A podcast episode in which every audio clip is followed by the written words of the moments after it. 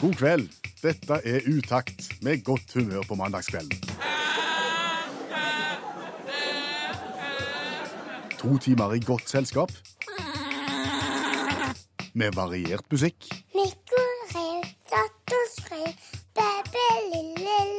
Per Øystein Kvindesland. Og Bjørn Olav Skjæveland. Jeg erklærer herved Radioprogrammet Utakt. for åpnet. Ingen mandag uten utakt. Nei, det er blitt sånn eh, nå, og ingen mandag uten at Utakt har den samme formålsparagrafen som vi hadde forrige mandag, og mandagen før det, for en Utakt skal nemlig være godt selskap på en mandagskveld, og så skal vi prøve å skape godt humør på en mandagskveld. Det er det vi skal. Og dagens første tema, Ståhjulsoppførsel. det var Ståhjulsoppførsel. Er det mye å si om det? Mye. Mye å si om ståhjulsoppførsel. Ja, det er veldig mye, eh, for jeg tror at eh, når du har ståhjuling, så må du ha et avklart forhold til egen oppførsel. Hva er en ståhjuling først? Ja, Det er vel et samlebegrep på en sånn batteridreven eh, Det er jo ikke sykkel heller, men det er et fremkomstmiddel der du, du står oppå den, og så kjører denne hjuldoningen av gårde, mens du bare står der og trenger ikke balansere engang. Du bare står der.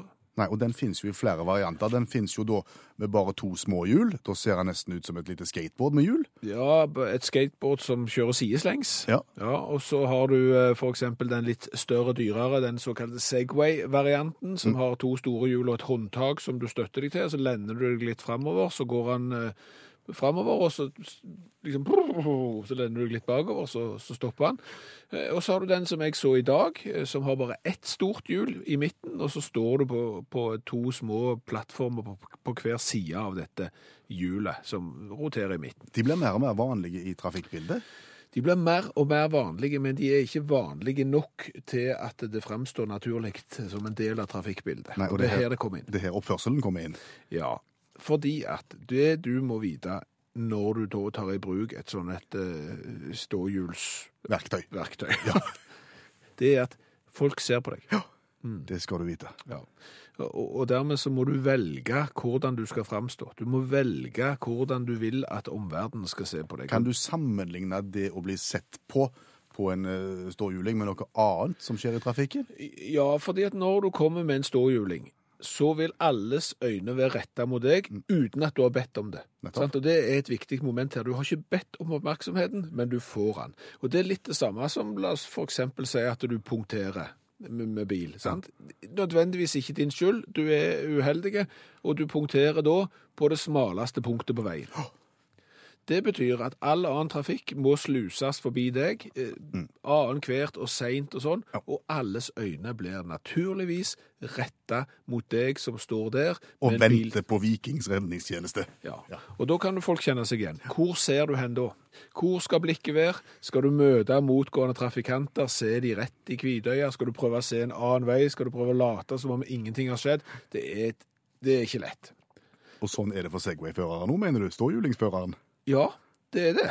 For, fordi at det, når du står der, Ja. så, så, så, så liksom eh, Hvordan skal jeg framstå her nå, når jeg ruller av gårde? For du kan tenke deg det at når du går, fysisk spaserer, så har f.eks. armene en naturlig funksjon, med mindre du er kronprins. Da er det en unaturlig funksjon, for da er du litt sånn passgjenger. Men, men de skal de skal på en måte bare gå. sant? Armene, Da har armene noe å gjøre. og sånn. Når du står på en ståhjuling, så har armene ingenting å gjøre. Ja, Med mindre du har det der stativet på den, da. Det er noen av de som har det. Jo, men, men, men da også, holder du bare der. Men, men sant, hvordan skal du da ha armene? Skal du liksom ha de i, i lommene? Skal du ha de Så tenk deg hvis Ta med kulepenn. Jeg tenkte hvis jeg hadde bedt deg for eksempel gå inn på en scene, og så hadde jeg sagt Per Øystein, nå skal du inn på den scenen der foran eh, 200 mann. Bare vær deg sjøl. Vær helt naturlig. Bare, ikke lat som noen ting. Bare vær deg sjøl 100% Du hadde garantert vært noen andre. Du hadde ikke klart å spille deg sjøl naturlig. Og det samme med de som står på, på, på sånn en sykkel eller hjuling. Eller... Sier du egentlig at de ser litt teite ut? De ser kjempeteite ut. De ser helt de, Alle de som jeg har sett, klarer ikke å se ut som om de gjør dette her helt naturlig. Og de aner ikke hvordan de skal framstå. Sånn som han som jeg så i dag, Herre min hatt, altså. Du, du må vite at alle øyne er retta mot deg, og du klarte det ikke. Nei, ok. Du besto ikke på. det. men hva skal du gjøre, da? Nei, du klarer det jo ikke. Du Skal kan- selge, selge ståhjulingen? Ja, du kan bare bli, bli kvitt den. Hva er det for noe? Det er så ståhjuling hører hjemme på flyplass. når du hører utakt i NRK P1. Og jeg vet at mange er i konfirmasjonsforberedelser eh, nå om dagen. Og Skjæveland, eh, du er jo en erfaren mann innenfor Ja. dette her. Hva legger du i ordet konfirmasjonsforberedelser? Nei, det er jo eh, A. Eh, kjøpe dress til konfirmanten, eventuelt kjole til konfirmanten. Bunad, altså bekledning er jo viktig, det må du ordne. Så er det jo den der menyen, skal konfirmanten få være med å bestemme, sant? så er det gjerne det, finne det, og så er det finne ut hvem som skal lage maten, hvem som skal servere den. Og det er vel stort sett det. Ja. Tenker du nå at du skal arrangere det hjemme eller utendørs? Ja, da er det hjemme. Ja. Da er vel det egentlig det. Da har du glemt renholdet. Ja, det, du, du gjør jo rent. Altså, du har jo ikke konfirmasjon hjemme, og så Du gjør kjempereint når du skal ha konfirmasjon. Gjør du kjempereint. Ja. Folk vasker vinduer. Folk, Ja, det gjør du. ja, folk vasker vegger. Folk Det- vasker tak. Du vasker vinduer Ja. med vegger og tak. Ja. Jeg har hørt i de siste, for bare for et par dager siden hvor den konfirmanten, tilkommende konfirmant, ble kommandert til vasking av tak. Det er ikke så ofte du vasker tak. Jeg er ikke sikker på om gjestene legger merke til det heller, men det er såpass lite annet som skal gjøres i forbindelse med konfirmasjonen at jammen må få vasket tak òg. Jeg har støvsugtak, men jeg har ikke vasktak og Nei, Nei! det, det skjer, det, det slår inn et eller annet, og det er mulig det er, jeg vet ikke om mulig det er hos damene, men, men det slår inn noe hos foreldre at det må, det må gjøres veldig, veldig, veldig mye. Men, men nå tror jeg du glemmer en ting, Per Øystein. Mhm. For, fordi at eh, hvis du tenker godt tilbake igjen eh, Normalt sett så pleier vi å si at alt var mye bedre før. sant? Eh, Men, men når det gjelder konfirmasjonsforberedelser, så tror jeg nesten vi må påpeke at alt var mye verre før. Sier du det? Ja, men altså, OK. Overdreven takvask Ja. er nå én ting, men, men tenk deg det. Tenk deg den generasjonen som vi er vokst opp i. Hvor mange kjellerstuer i de norske hjem har blitt unnfanga og gjennomført i forbindelse med en konfirmasjon? At det ble bygd kjellerstuer. Ja, altså du hadde omtrent en grovkjeller, og så måtte du forte deg, for du skulle ha konfirmasjon om fem år, og så satte du i gang med murer og graving og isolering og, og sånn, og så frem, plutselig hadde du ei kjellerstue, og så kunne du lage et langbord, eventuelt av noen sponplater og noen krakker og noen greier, så kunne du invitere 30-40 av de nærmeste slektningene til foreldrene dine. Ja, var, Og, og så kunne du stå der i, i, i den brune dressjakken din og prøve å stavre fram en tale, så var den konfirmasjonen over. sier du at det var folk som rett og slett gjorde det? Lagde kjellerstua kun for konfirmasjons? Jeg, altså, kun Kjenner for du noen? Ja, nær familie. Hvor nær da? Ja, jeg er veldig nær. Og, Kjempenær? Kjempenær, og jeg kjenner Skjæveland, ble det bygd kjellerstua for, for at du skulle feire konfirmasjon Ikke min, men eh, la oss nå si det sånn, ja. Og, og, etter det jeg har grunn til å tro. Jeg kjenner flere òg. Altså, det er ikke tull. Jeg tror det har vært mye utbyggingsprosjekter som har på en måte, der konfirmasjonen har vært en katalysator. For, for å starte, og, og ikke minst en katalysator for å få det gjennomført, for nå haster det. Nå haster det virkelig. Jeg trodde det har blitt bygd kanapp som følge av konfirmasjon. jeg tror at eh, hvis du ser på, på den eh, norske boligmassen med kanappvindu, så, så tror jeg vi rett og slett kan påpeke, påstå at 90% av alle kanapp er på grunn av konfirmasjon. Noe måtte du ja, men, så, så jeg tror egentlig det var verre før. Kanskje er det overdreven uh, renhold nå, men, men i, i, i vår oppvekst så bygde jo folk på. Konfirmasjonen var jo riv ruskende galt. Det var jo Folk har jo gått økonomisk grunne etter dyre konfirmasjonspåbygg. Og mye nå. Ja, det var det. Men du, Ja, eh, datalagringsdirektivet. det er et kjedelig ord. Det er ikke bare et kjedelig ord, det, jeg tror det er et kjedelig direktiv òg. Eh, og det har noe med sånn lagring av mobilsamtaler og offentlige mirakels og det er noe EU-greier. Så vi, vi lar det på en måte ligge, og så tar vi på en måte datalagringsdirektiv, og så flytter vi det hjem til deg sjøl. For du vet jo det, Per Øystein, at noe av det kjæreste vi eier, er jo informasjon. Og hvis du tenker på alle bildene du har tatt med mobiltelefonen, med det digitale fotoapparatet, så har du lagra de på datamaskinen din. Mm. Og hvordan passer du på de? Eh, Ofte litt for dårlig. Ja, Men en tenker jo gjerne backup, at en, at en sørger for å ha det på flere maskiner, kanskje. Ja. Ha en ekstern harddisk hvor du lagrer dette, og gjerne da ha en ekstern harddisk som ikke er i det huset som du befinner deg i, i tilfelle det skulle brenne ned. Ja, for, for dette er viktig informasjon. Datalagring er viktig. Hold, hold på den tanken om, om at datalagring og, og sikring av data er, er viktig, for nå skal vi gå over på sperm. Nå skal vi over på sperm. Ja, altså, den, den overgangen er ikke enkel, Nei, ser du. Men, men, men, men han er ganske god, ser du. For, for, det, for det jeg fant ut her om dagen, Mhm. det er at en sædcelle inneholder 37,5 megabyte med informasjon. Hvor mye er det sånn sammenligna med bilder og EDB? Nei, det er, det er en, la oss si at det er en 6-7 bilder. Okay. Digitale bilder. per sædcelle. Per sædcelle, ja. Okay. Og det er for så vidt Altså, det er jo DNA-informasjon og sånn, så det er jo særdeles viktig informasjon en sædcelle holder på. Ja. Eh, og, og 37,5 megabyte Hørtes ikke så mye ut. Hørtes ikke så mye ut, men nå kommer jo greiene her. At du har jo for, Eller gjerne ikke Det her er vondt å snakke om, sa du. Men det er jo gjerne 400-600 millioner sånne sædceller som driver og, og olstrer ned i, i, i taska. 400-600 millioner. Ja. Og alle har en lagringskapasitet på 37,5 megabyte. Ja, og, og det er da du kan begynne å tenke deg at denne datamengden begynner plutselig å bli ganske formidabel. Da? Ja. Altså Det er plutselig snakk om mye, mye data. Mye mer enn du f.eks. klarer å stappe inn på, på harddisken på PC-en. Ja. Og nå skal du ikke prøve å blande disse to formene for data, for, for det blir fort dumt. Men, men du skjønner her at her er det snakk om mye. Det går an å få et tall på hvor mye det egentlig Altså, du kan jo tenke deg her nå. Altså, hjemme i huset ditt, mm. så har du gjerne et kjemperaskt internett, sant? Ja. Kanskje du har, du har, jeg vet du har fiber, Ja. optisk fiber, det er kjemperaskt, og du får gjerne 100 megabyte i sekundet. Veldig mye. Men når du snakker om sædcelledata, mm. så er det ingenting, fordi at en vanlig sprut da, Mhm. dette er ikke godt å snakke om, Det, det. det er jo opp til 1500 terabyte.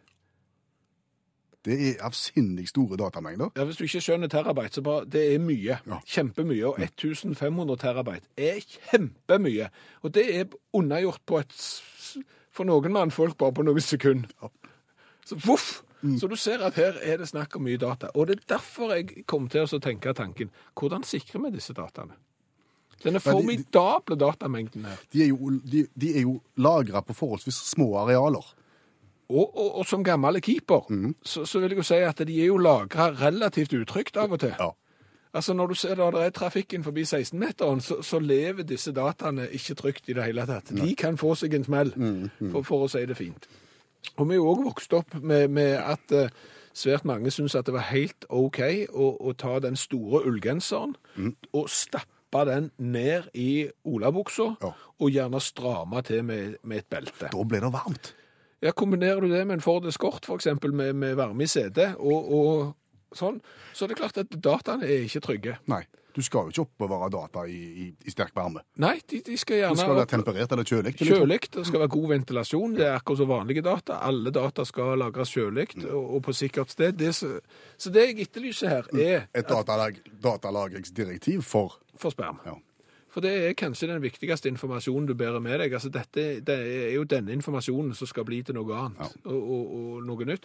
Og har, litt- har du tenkt backup her? Jeg har tenkt backup, rett og slett, ja. Altså, Det er de som allerede har backup. De tar ut litt, og så fryser de ned. Det er en mulighet. Jeg, jeg, jeg har jo for eksempel Bildene mine, de ligger hos en kamerat. Altså, Jeg flytter de via internett til en kamerat, og så flytter han sine til meg. Nå snakker du om de, de forektige dataene, sant? Nå snakker jeg bilder, ja. Ja. Eh, Men, og jeg ser ikke for meg at vi skulle gjort det samme her, men, men, men tanken er sådd Ja.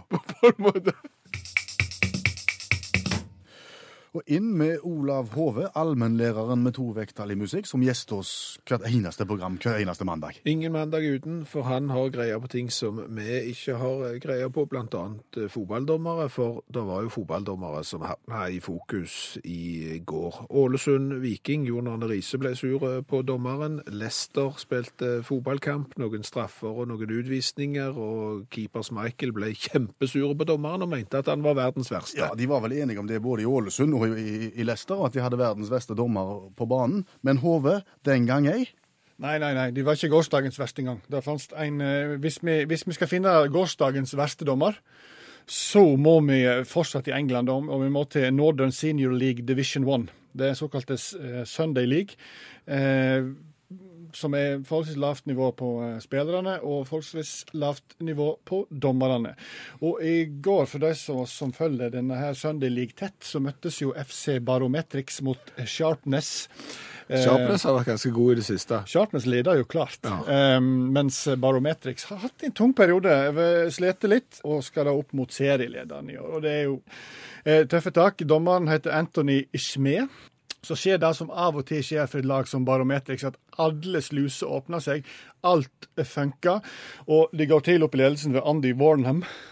Han er jo spiss, så det er nå for så vidt logisk. Eh, eh, Og Andy Warnham han skårer også 3-0, for det kom òg et, et, selvmål i, i det 23. minutt. Så, så Barometrix de leder 3-0 etter 37 minutt. Og så eh, skjer det da at Jamie Hammond på Barometrix. Han får rødt kort eh, i forbindelse med 3-0-målet eh, for munnbruk. Noe som er sjelden at en spiller får eh, ved skåring på eget lag. Så eh, Anthony Smed gir altså Hammond eh, rødt kort for eh, munnbruk ved egen skåring. Eh, så går det til pause med en 3-0 likevel, men, eh, men etter 52 minutter så får eh, Sharpness straffe George eh, som står bak fellingen, for direkte rødt kort, som seg hør og bør. Og så er det, så det Hvis du spilte fjerdedivisjon i Sogn og Fjordane på 90-tallet, så vet du at straffemerket var ikke straffemerken, det var ei grop der ballen forsvant når det var straffe. Så alle straffespark i Sogn og Fjordane i fjerdedivisjon var regna som halvsjanser i beste fall. Så fikk vi samme situasjon på straffespark i går når, når Sharpness fikk straffe. Eh, og, og så har det regna kvelden før, så han er ekskutøren, eller hva det nå heter på, på Sharpness, han spør om han kan flytte ballen, og får nei av den godeste Anthony Schmee. Så du får en vannplaningssituasjon på straffesparket, som da keeperen redder, men gir retur, og eh, det blir skåring på, eh, på returen. Eh, og da er vi kommet til det 59. minutt, og, og da er det corner til, til, til eh, Sharpness, og de skårer på corneren. Og da kommer da eh, eh, Mike Rhodes, som skal vise seg å være selveste kardinalen av understatements, trener for eh, Barometrics, og sier at i forbindelse med 3-2-skåringen så ble det en uenighet, skråstrek diskusjon, eh, rundt målet da. De mente det var skubbing, dytting og, og slendrian. Eh, og, og det medførte denne her diskusjonen, eh, skråstrek enigheten at Joe Morgan og Warnham, eh, tomålsskårerne, begge to ble utvist. Hvor mange spillere er det da igjen på dette laget? Nei, da har de fått fire utvist, da. Eh, og hører med til at eh, historien at serielederen har ennå ikke fått et gult kort engang, da. Mens, eh, mens stakkars Barometrix har fire utviste. Og, og, og det er klart, eh, da begynner det å bli tungt. Da må du legge det bakpå og sånne ting. Og så, men så holder de stand i 69 minutter, og da sk eh, skårer Sharpness. Dette medfører at Nick Hill får rødt kort. Eh, ikke overraskende for munnbruk. Eh, og, og, og den godeste Mike Rhodes, som, som hadde lagt opp til en klassisk 4-3-3-formasjon, måtte da gå over til den mindre kjente 3-1-1-systemet. Og da er det eh, Mike Rhodes uttaler til Gloucestershire Echo i etterkant at han hadde da eh, tatt kontakt med dommeren og sagt at eh, at han til en viss grad var uenig i en del av avgjørelsene. En Fire-fem av utvisningene var han uenig i. Dette er hans sine ord.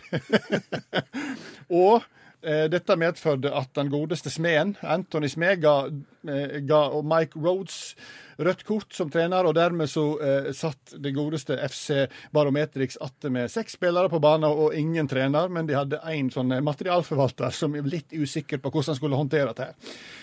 Så kom det tilrop fra tribunen om at eh, jeg tror kanskje ikke det er lov å spille kamp når du har så mange utvist, inkludert treneren og sånne ting. Eh, Så Anthony Smee han bestemte seg for at eh, nei, da blåser jeg like godt av. Og så sier vi det sånn at det blir 3-3. Og ble kjeppjaga i eh, garderoben, men uttalte til Gloucestershire Echo at han følte det var en finspilt kamp mellom to fair lag, men at han ble litt skjemma av munnbruk. Så eh, Jon Arne Riise, ikke klag. Jeg ser for meg overskriften 'Trykke steg hos Barometrix'. Så liker vi å si at Utakt er et eh, nokså godt radioprogram som gjerne eh, framstår i en slags sånn gründersetting. Ja, hvis vi kan plante en god idé hos noen eh, gründere nå, som kan løfte ideene våre til et nytt nivå, og gjerne de gjør at, dette blir, at verden blir et enklere sted å leve, mm. så, så syns vi det er greit. Ja. Og dagens gründeridé ble unnfanga hvor? Eh, Den ble unnfanga på alle fire. På alle fire. Ja. Mhm. Hvor henne? Eh, På ei armeringsmatte på alle fire, med en varmekabel mellom beina. Ja, OK, nå fikk vi bilder i hodet. Eh, prøv å beskrive litt nærmere. Ja, altså, det Nå er jeg ikke sikker på om alle har vært med og stripsa varmekabel noen gang. Men Nei. hvis du Jeg, skal tror, jeg tror ikke alle har vært med å stripse varmekabel, så jeg tror du skal forklare hva det er for noe. Altså En varmekabel det er jo en sånn som du gjerne har i gulvet, som skal gjøre at gulvet blir varmt, sånn at du slipper panelovn. De blir gjerne støypt ned i gulv. Ja. Før, og dermed så blir det lagt ei stor armeringsmatte. Og så måler du litt og finner ut hvor denne varmekabelen skal gå, og så er den gjerne 117 meter lang eksempel, i det ene rommet, og bare 63 i det andre, og, og sånn, og så, sånn går nå dagene.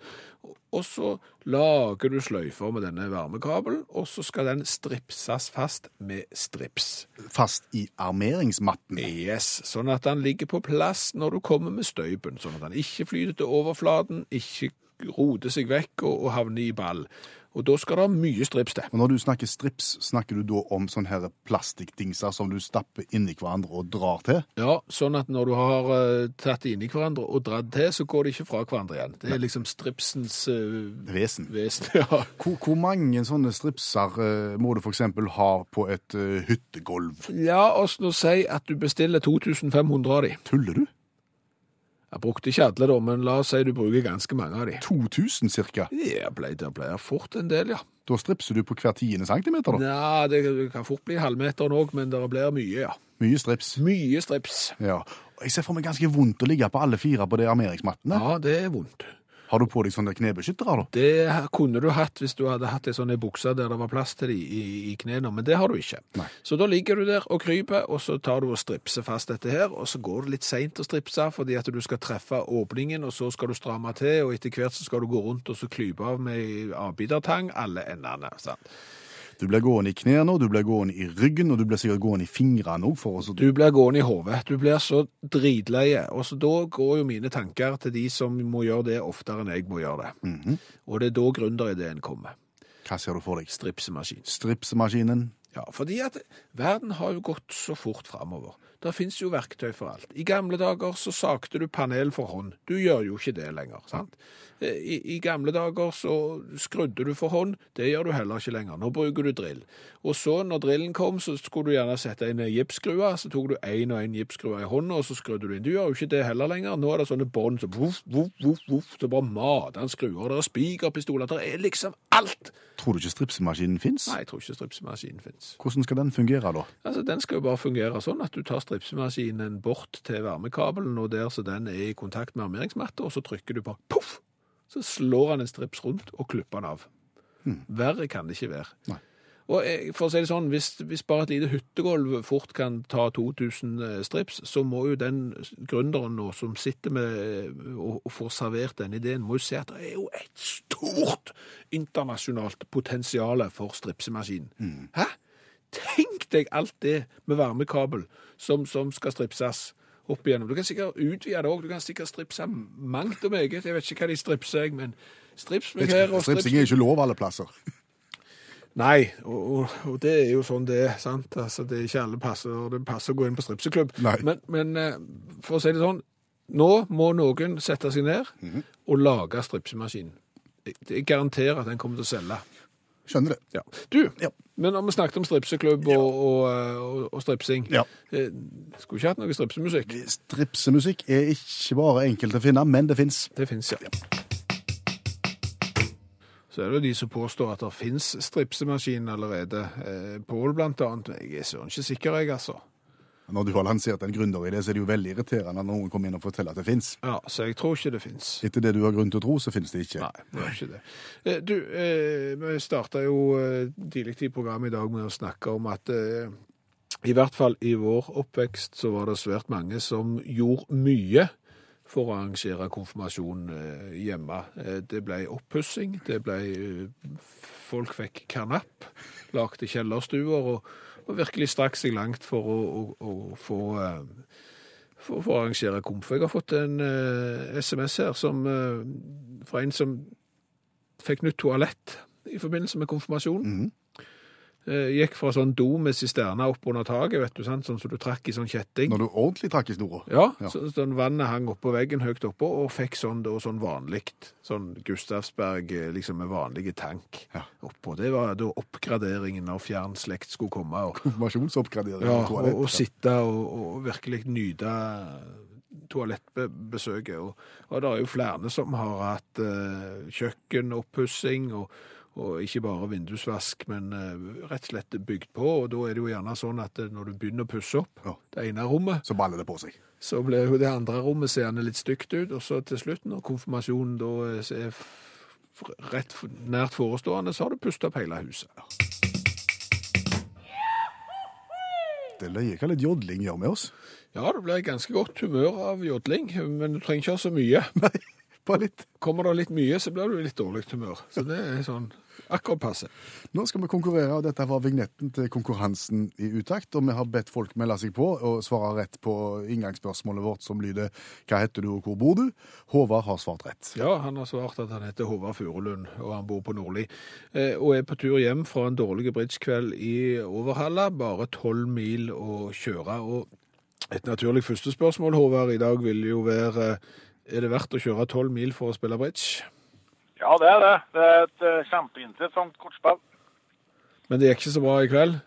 Nei, i kveld gikk ikke så bra. Nei. Hvor ofte kjører du tolv mil for å spille bridge?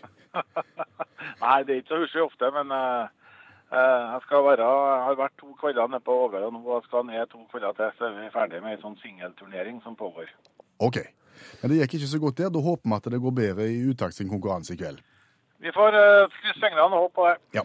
Og da kan jeg forklare hvordan han virker. Jeg har ti spørrebøker foran meg. Håvard velger et nummer fra 1 til 10. Så tar vi ei bok, finner et vilkårlig spørsmål og svarer Håvard eh, rett, så får han gladjodling. Svarer han feil, så blir det tristjodling. Men uansett så kan han sitte på Overhalla i framtiden og spille bridge med utakt sin T-skjorte med V-hals. Det skal jeg gjøre. Godt. Vi går i gang. Velg ei spørrebok mellom én og ti. Tre grang er jo en fin kontrakt, så da velger vi eh, tre. Tre. Tre grann. Det er at jeg er ute på den der eh, Det, det, var, det var bridgen, Det er det. bridgen, det, ja. Skal si det, det Håvard, vi er veldig gode på sånn bridgeblanding. Der er vi bedre. Det må jeg tro. Det må jeg tro. Eh, vi har da kommet til barnas egen spørrebok nummer 19 av Peter Nødt. Det Eh, hørtes ut som et eh, bra treff. det er et bra treff. Og da må du finne et sidetall mellom 13 og 68. Ja, for å vinne kontrakten så må jeg ha ni stykk, så da må det bli spørsmål nummer ni. Her blir det skikkelig eh, bridge-relatert. Ja. Kjenner, du Ja, ja, vår- ja. kjenner du vår litteratur? 18 spørsmål. Jaha. Og du tar nummer Eh, seks. nummer seks. Hvilken forfatterinne kjempet ved sitt forfatterskap for kvinnens frigjøring? Det var et veldig godt spørsmål. Ja, Eh, boka kom, var det noe årstall på boka? Nei. ja men hun var lenge før det. Den her kom, det. ja, den her kom ut i 1975. 1975, ja, så var det lenge før det, ja. Kan vi, kan vi hjelpe på veien her? Ja, Ja, vi kan jo det. Altså, hun har jo vært verdt en del penger, hun. Å, Og jeg har kanskje overstått stått på en uh, seddel en gang i tida. Det kan godt være, ja. Camilla Collett, kanskje. Det stemmer. se det. Er ikke det godt at vi kan gjøre hverandre gode, Håvard? Ja. Det er som bridge. Du må ha en god partner, ellers så nytter det ikke. Nei, nei, nei, nei, nei, jeg må ha litt teft. Ja. Ni bøker igjen. Hvor skal vi hen? Eh, ta bok nummer eh, tre, da. Nummer tre. Da havner du på fotballquiz. 707 spørsmål og svar om Haugesundsfotballen. Om Haugesundsfotball, ja. Ja. Han Det ene vært om Rosenborg. Ja, det var det. 122 sider. Ja, det var, vi må ta side én, tror jeg. Vi begynner på forsiktig. Du begynner Ja, forsiktig. Det, det som er litt dumt da, er at da havner du Jo, jo lenger framme du er i boka, jo tidligere er det snakk om fotballhistorien. Du er da i åra før 1960 her. Jeg tror det spiller ikke noen stor rolle. Nei, ti spørsmål å velge i der. Da er spørsmål nummer én. Nummer én. Hvem regnes som den første offisielle fotballklubben i Haugesund? Ja. Kjenner du til noen klubber i Haugesund?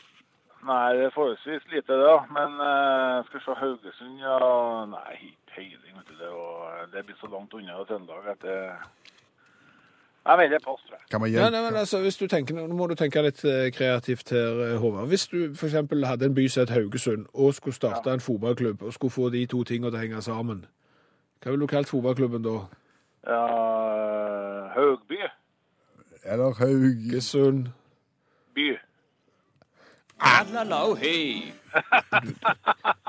Hvis vi skal holde oss i fotballterminologi, Håvard, så får du ikke bedre lissepasning enn det. Haugesunds fotballklubb. Ja, det var så enkelt. Ja, Stifta i 1912. Akkurat. akkurat. Da var vi ferdige med den, så satser vi på at det siste boka blir bedre. Hvor skal vi hen da? Det er åtte bøker igjen. Prøv nummer åtte. ja. Ja, feriequiz. Oh. Jaha. 208 sider. Ja, prøv side tolv, da. Det tror jeg er lurt. Jaha. Bare følg det på meg. Hva heter hovedstaden i, er vi da. Hovedstader. Mm. Og der er det ti land å velge i. Hvilket land skal vi ta? Ja, det var det. Jeg skal treffe på Norge, så jeg klarte det. Men jeg prøve spørsmål nummer seks, da. Nummer seks. Hva heter hovedstaden i Australia?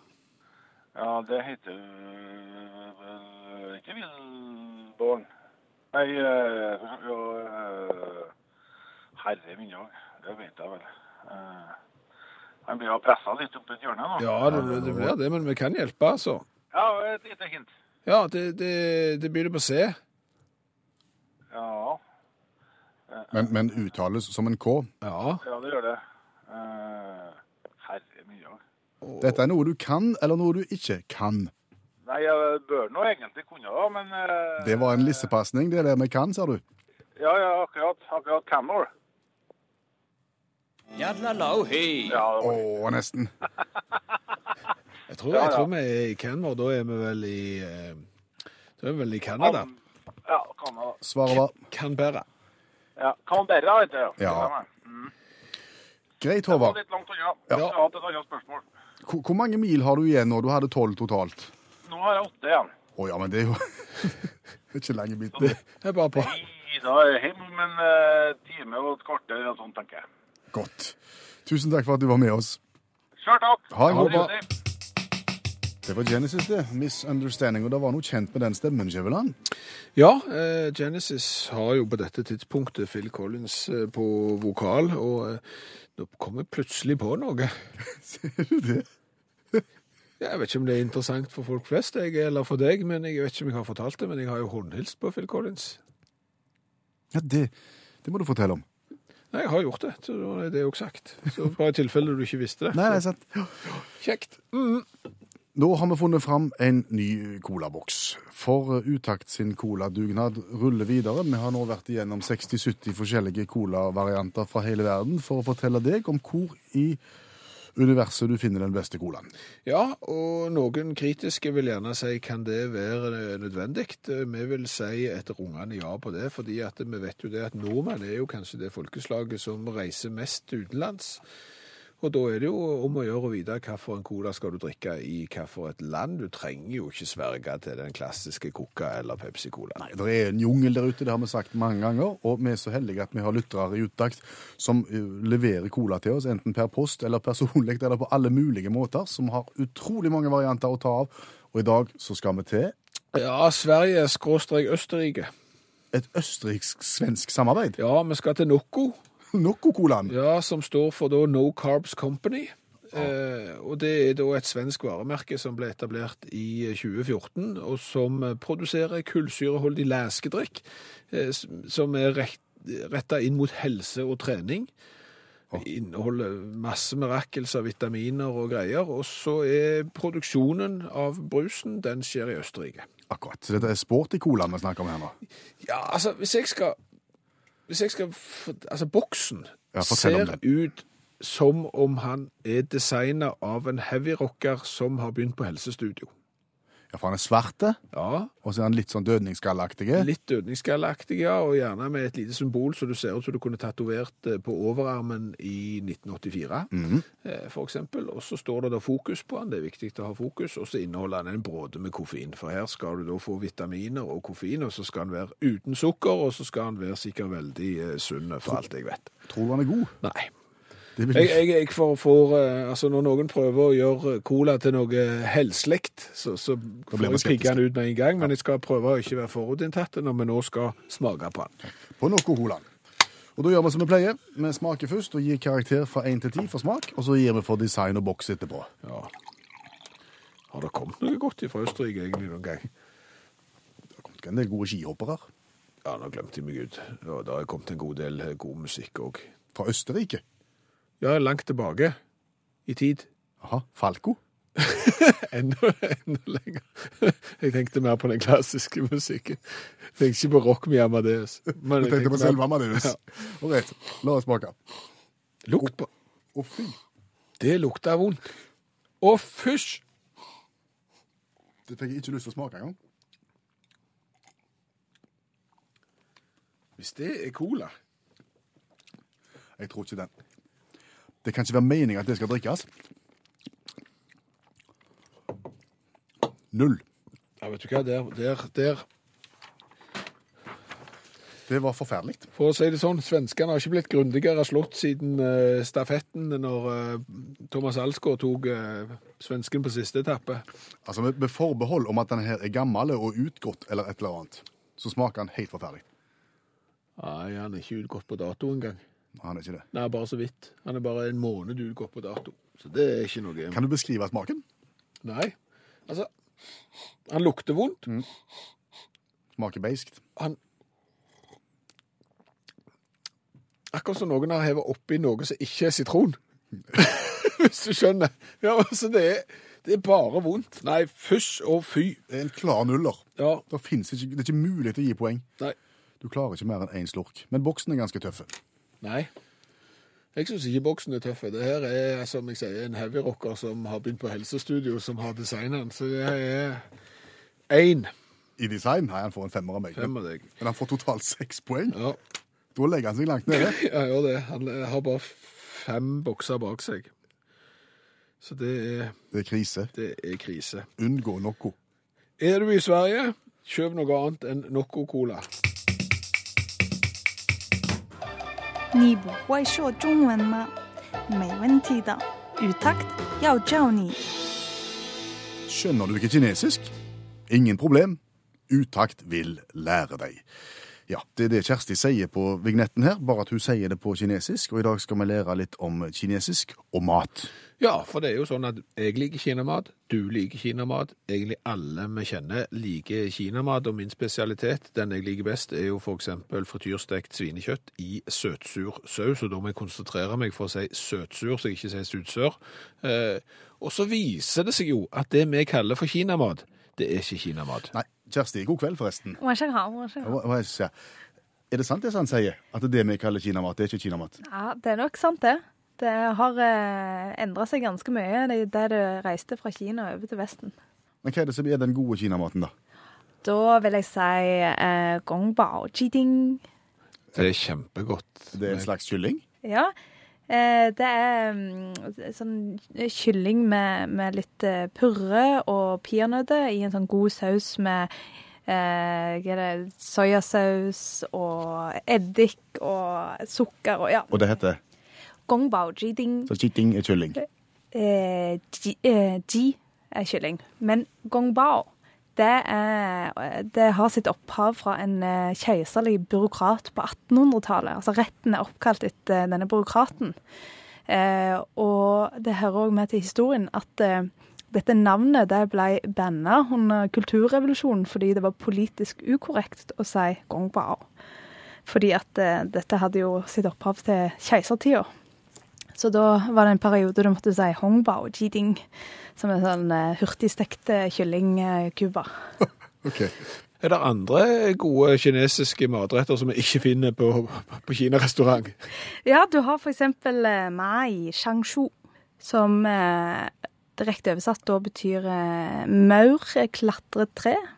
Ja, Det hørtes kjempegodt ut. Mm, ja, ja, dette er faktisk veldig god rett, og det, er- ja, det er en rett som er ganske populær blant unge studenter, for det er en billig rett. Det er da nudler og kjøttdeig. Og disse, eh, altså Kjøttdeigene er så små biter at det ser ut som eh, maur på nudler. Nei, altså de som klatrer i trær, ja. Noe annet? Eh, du har eh, få og chang. Den er god. Denne her, denne tar ca. åtte timer å lage, eller noe sånt. Og så har det ufattelig med mengder av ingredienser. Og det betyr eh, Buddha hopper over muren. Ja. Ja. To av de, og, og en nummer fire. Flere? Tangying tou. Som er Eh, det er da stekte fluehove. Ikke ekte. Kan, du kan sikkert få stekte insekter av ulike typer variasjoner i Kina, men dette er faktisk ikke flue. Dette er da kjøttdeig med grasløk og svarte bønner. Og fordi at disse svarte bønnene ser litt ut som flue, så har det da fått navnet tsangingtao. Ah. Hvorfor finnes ikke disse gode rettene her på kinarestaurant i Norge, tror du? Mm, skal jeg si? En del av de rettene som er sånn som chop sui, for eksempel, har jo sitt eh, opphav i USA. For der var jo på 1800-tallet var det en del kinesere som reiste der og starta opp restauranter. Og så skjønte de vel det at eh, altså en del av maten i Kina er veldig sterk. Så det var kanskje ikke folk vant med. Og så er det òg det at de ikke fikk tak i de samme ingrediensene. Men glansnummeret over alle glansnummer på Kina-restaurant, det er jo frityrstekt ris med kylling og egg. Den har, har du vel i Kina? Ja, Du kan finne variasjoner av uh, chow fan, Som er stekt ris. Tusen takk skal du ha, Kjersti. Fortsatt god kveld. Shisinia. Vi liker å si at Utakt er et interkommunalt program, og vi liker å si at Utakt er et internasjonalt program. Ja, for etter det vi har grunn til å tro, og, det tror vi med ganske stor sikkerhet, så er Utakt det norske radioprogrammet som er mest populært i Tyskland. Ja, Det baserer vi på det som Jørgen forteller oss. For Jørgen sitter da i Slesvig-Holstein-området og hører på Utakt, og sender oss meldinger på norsk. Ja, eh, og, og han er da politi og, og sosiolog. Og, Og språkinteressert. Ja, veldig interessert i, i norsk. Og så er det sånn at vi her i Utakt fra tid til annen leser høyt ifra ei bok som heter Norges morsomste vitser. Det er da etter et mesterskap som het NM i humor, så ble det gitt ut da ei, ei bok som skulle representere de morsomste vitsene Norge hadde å by på. Men det er ikke alltid at vi finner plass til en vits. Nei. Men når da Jørgen fra Tyskland har sendt oss en, eh, så kommer vi på en måte ikke utenom. Nei, for, fordi han savner da den norske vitsen, og han sier at hvis ikke vi kan komme med en vits, så får han komme med en vits, og da presenterer han den på såkalt nedertysk, platt Deutsch. Ja. Og når vi leser den, så, så, så framstår det på en måte som en blanding av tysk og engelsk. Men det er ikke helt, det er ikke helt enkelt, dette her. Nei, altså det Jørgen skriver i, i mailen som vi har fått her, jeg, jeg tror at også denne vitsen kan være forståelig både for nordmenn, eh, tyskere og den store danske befolkningen mellom Flensborg og Slesvig. Eh, Så, så da får vi prøve, så får vi sjekke om denne vitsen på platt Deutsch er forståelig for, for flere språkgrupper. Ja, den begynner som følger. Carl Gustav shall go as matros opp en fiskdamper. So komt he to den rederidoktor. He shall undersøken ob Carl se dyktig is. Den doktor fragt him, kanst du svømmen? Carl Gustav svarer, svømmen? Hva for dat?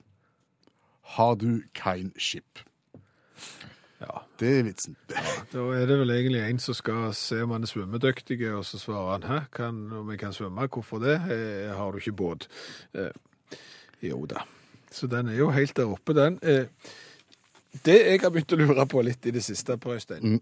det er jo om Jørgen er tysker og bor i Tyskland, hører utakt på norsk, eller om det er en som eventuelt prøver å trekke litt i oss. Som tøyser med oss. Ja, Det siste kan godt være tilfellet, men om det så er det, samme det. Men uansett så kommer vi til å si at vi har lyttere i Tyskland, så Ja. vi kommer ikke til å fire på dette her i det hele tatt. Fortsett, Jørgen. Hvem du enig er. Du har jo en, en uh, fotballkarriere bak deg, Skjæveland. Ja. Har du blitt utvist noen gang? ja. Mer enn én gang? Nei. Nei. Én gang. En gang. Hva var det som skjedde da? Hva var det som gjorde at dommeren dro fram det røde kortet da?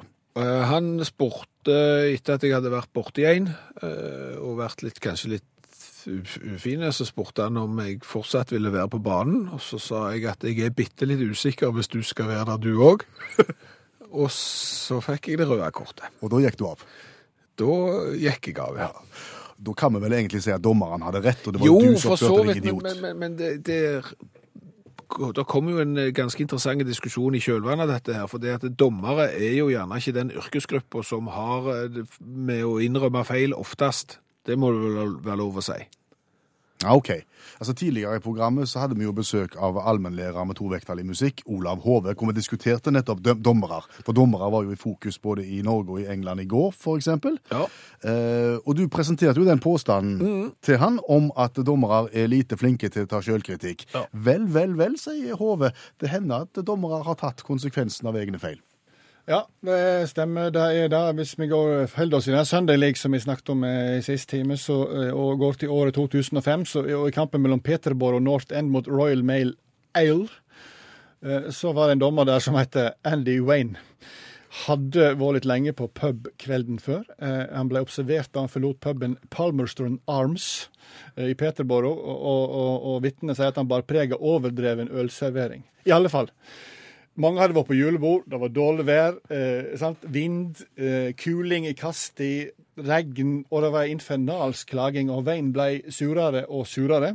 Eh, helt til en i slutten av nei, i slutten av første omgang så er det North End sin keeper Richard McGuffin. Han blir eitrende forbanna eh, på et frispark som dommeren til eh, gir motstanderlaget på cornerflagget på andre sida av banen. Og har de vært på sånne baner, så vet de at det sannsynligvis er ganske stor oppoverbakke, det er mye gress. Og hvordan han der eh, keeperen kunne klage på det, det synes han Det skjønner jeg veldig godt. Som eh, keeper sjøl så har jeg klagt på mye av det som skjer inne i den andre Ja. målgården. Så det, Mens, mens Andy Wayne, eh, for han så var det, var det virkelig dråpen som fikk begeret til å renne over. Så, så han, han, han mista det lite grann, Andy Wayne. Dommeren, han, altså. Ja. Han, dommeren tok eh, rennafart, storma mot keeperen, reiv av seg dommerdrakten og ga han det onde øyet. Eh, og så er det sånn at Andy Wayne er jo ikke, han er jo ikke langsinte, for han oppdager at nå står jeg her som dommer i en Sunday League-kamp i bar overkropp og ser stygt på en, eh, en keeper. Dette var ikke smart. Det han gjorde, var at han gikk rolig bort, tok på seg altså dommerdrakten, tok opp det røde kortet og ga seg sjøl det. Forlot, og forlot dermed banen. Eh, eh, Andy Wayne slutta som dommer etter den kampen. Men, men å gi seg sjøl Altså, å, å være dommer og gi seg sjøl rødt kort, det høres jo enestående ut. Nei da. Melvin Sylvester gjorde akkurat det samme. Em, eh, I, i Sunday League dag Southampton Arms spilte mot Hurstbourne Tarrant British League. Enda opp med at en, en Hurstbourne-spiller dytta Melvin.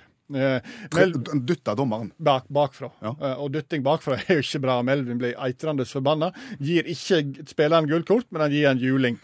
Eh, innser da at eh, dette var torsje, Reiser seg opp etter han har klapsa han eh, ettertrykkelig på baken, og gir seg sjøl rødt kort. Eh, det som er interessant, er at i Endover and District Sunday League de har egen disiplinærkomité, så de tok opp denne saken tok henne på alvor og ga, ga dommeren Melvin Sylvester seks uker karantene og den ekstreme bota på 20 pund. Eh, Melvin ble jo selvfølgelig forbanna. Dette var jo det var justismord. Eh, eh, og fikk da kutta straffen med tre uker. Så han var vekke i tre uker, kunne reise til Syden, måtte betale 20 pund.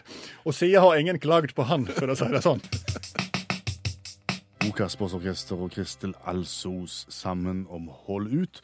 Fantastisk orgel. Ja. Åh, det er så fint. Det er en veldig fin sang, og så får du litt sånn uh, whiter shade of pale-følelsen. Det er liksom den orgellyden der. Men det er jo et orgel. Ja. Og det er jo ikke alt som er orgel som uh, blir fremstilt som orgel. Nei, hvor, hvor vil du hen? Jeg vil hjem til pianoet mitt. Du vil hjem til pianoet ditt, fremstår det som orgel? Ja, det, det påstår sjøl at det er et orgel. Det påstår at det er orgel nummer 5637.